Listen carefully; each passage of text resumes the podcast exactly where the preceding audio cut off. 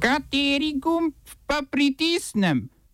Tisti, na katerem piše OF.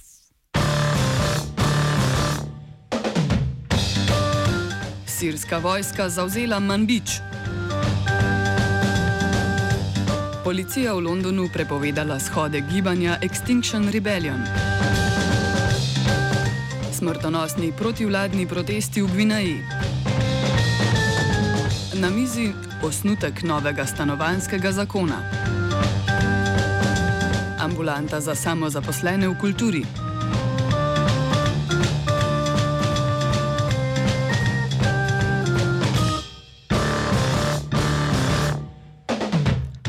Londonska metropolitanska policija je okoljskemu aktivističnemu gibanju Extinction Rebellion do nadaljnega prepovedala proteste v Londonu. Policija je prepoved izdala na podlagi 14. člena zakona o javnem redu, ki predvideva, da lahko policija določi pogoje za izvajanje protestov, če prepozna, da shod grozi javnemu redu. Če ti pogoji niso upoštevani, lahko policija prepove shode. Pripadniki gibanja so v zadnjih, so zadnjih osem dni protestirali v sklopu tako imenovanega jesenskega upora z vrsto različnih akcij, od oviranja delovanja letališča Heathrow do skupinskih plesov. V času protestov je bilo aretiranih dobrih 1400 pripadnikov gibanja, policija pa je proteste že pred prepovedjo v celem Londonu omejila le na Trafalgarski trg.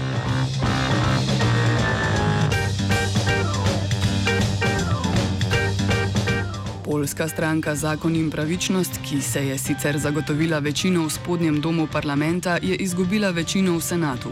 Povezane opozicijske stranke so namreč zasedle 51 od 100 sedežev v senatu. To pomeni, da bo vladajoči stranki Zakon in pravičnost oteženo sprejemanje ustavnih sprememb. Prav tako lahko opozicija nominira zagovornika človekovih pravic.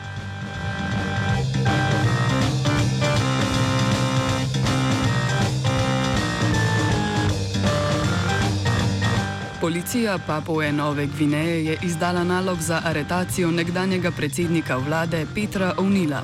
Slednji je z položaja odstopil letos maja, predvsem zaradi očitkov o korupciji. Ovnil je bil v javnosti prav tako osovražen zaradi več milijard vrednih investicij strani Francije in Združenih držav Amerike, ki pa prebivalstvu niso prinesle nobene koristi. Na položaju ga je zamenjal James Marape, ki je v času Ovnilovega predsedovanja služil kot minister za finance. Podrobnosti o razlogu za aretacijo Ovnila niso znane, ta pa je obtožbe označil za politično preigravanje in zavrnil navedbe policije, da ni bil pripravljen sodelovati s preiskovalnimi organi.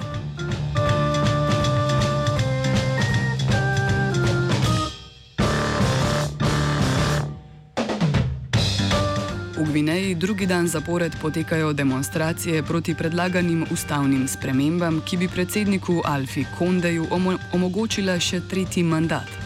Gvinejska vojska je domnevno proti demonstrantom v prestolnici Konakri uporabila živo streljivo, ubitih je bilo najmanj pet protestnikov.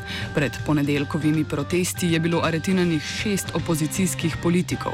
Trenutna državna ustavna ureditev predsedniku dovoljuje le dva petletna mandata.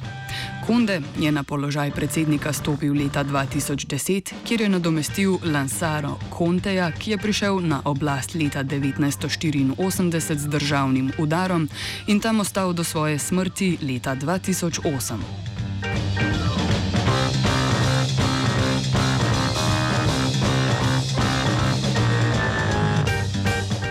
Turška ofenziva je v severni Siriji je do danes iz regije pregnala že 275 tisoč ljudi, poročajo kurdske oblasti. Prve skupine beguncev iz severovzhoda Sirije so že oskrbeli v iraškem Kurdistanu. Trenutno na severu Sirije ni dostopa do humanitarne pomoči, saj so se humanitarne organizacije umaknile iz območja ob pričetku ofenzive. Včeraj smo poročali o dogovoru, ki so ga dosegle kurdske oblasti v Siriji z vlado predsednika Bašarja al-Asada, da naj bi se sirska vojska na meji s Turčijo borila ob boku večinsko kurdskih sirskih demokratičnih sil. Sirska vojska je tako danes po poročanju sirskih državnih medijev od kurdskih sil že prevzela Manbič, ki leži v tako imenovani varni coni, ki jo načrtujejo zauzeti turške sile in njeni sirski zavezniki.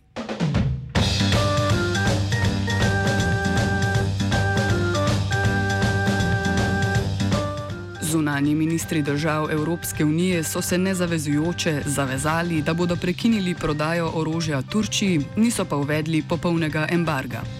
Odločitev o prekinitvi prodaje orožja Turčiji bo tako odvisno od posamezne države članice. Prepoved so že sprejele Francija, Nemčija, Španija in Italija, Združeno kraljestvo pa ne bo prekinilo prodaje orožja. Evropski svet je sicer kljub prvotnemu nasprotovanju strani Združenega kraljestva enoznačno sprejel obsodbo turške ofenzive v severni Siriji.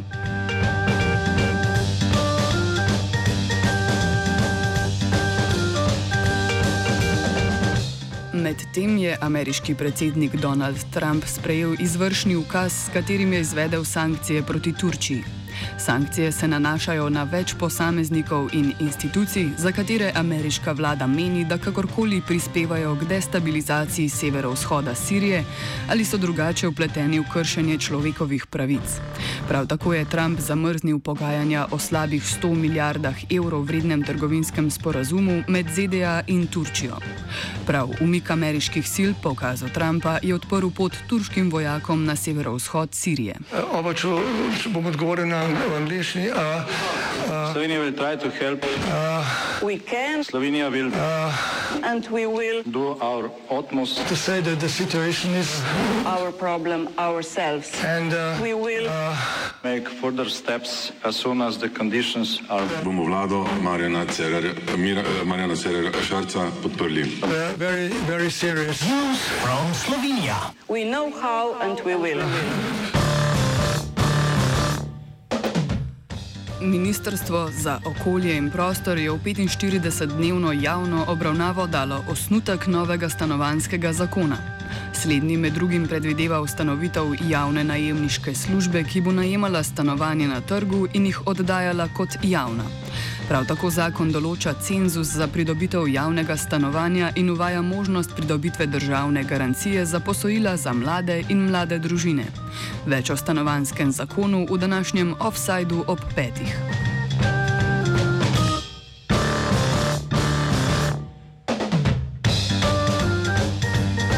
Kar smo po neuradnih podatkih že poročali minuli teden, se je potrdilo.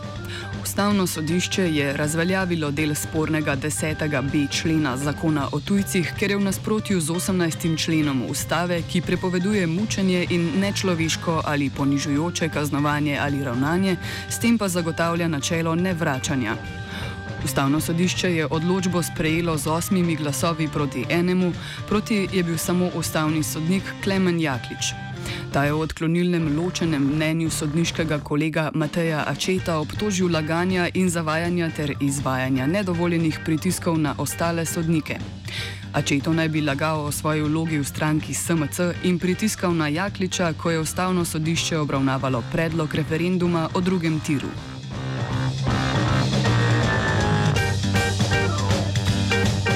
OF je pripravila Lana. Hajdar, hajdar, hajdar.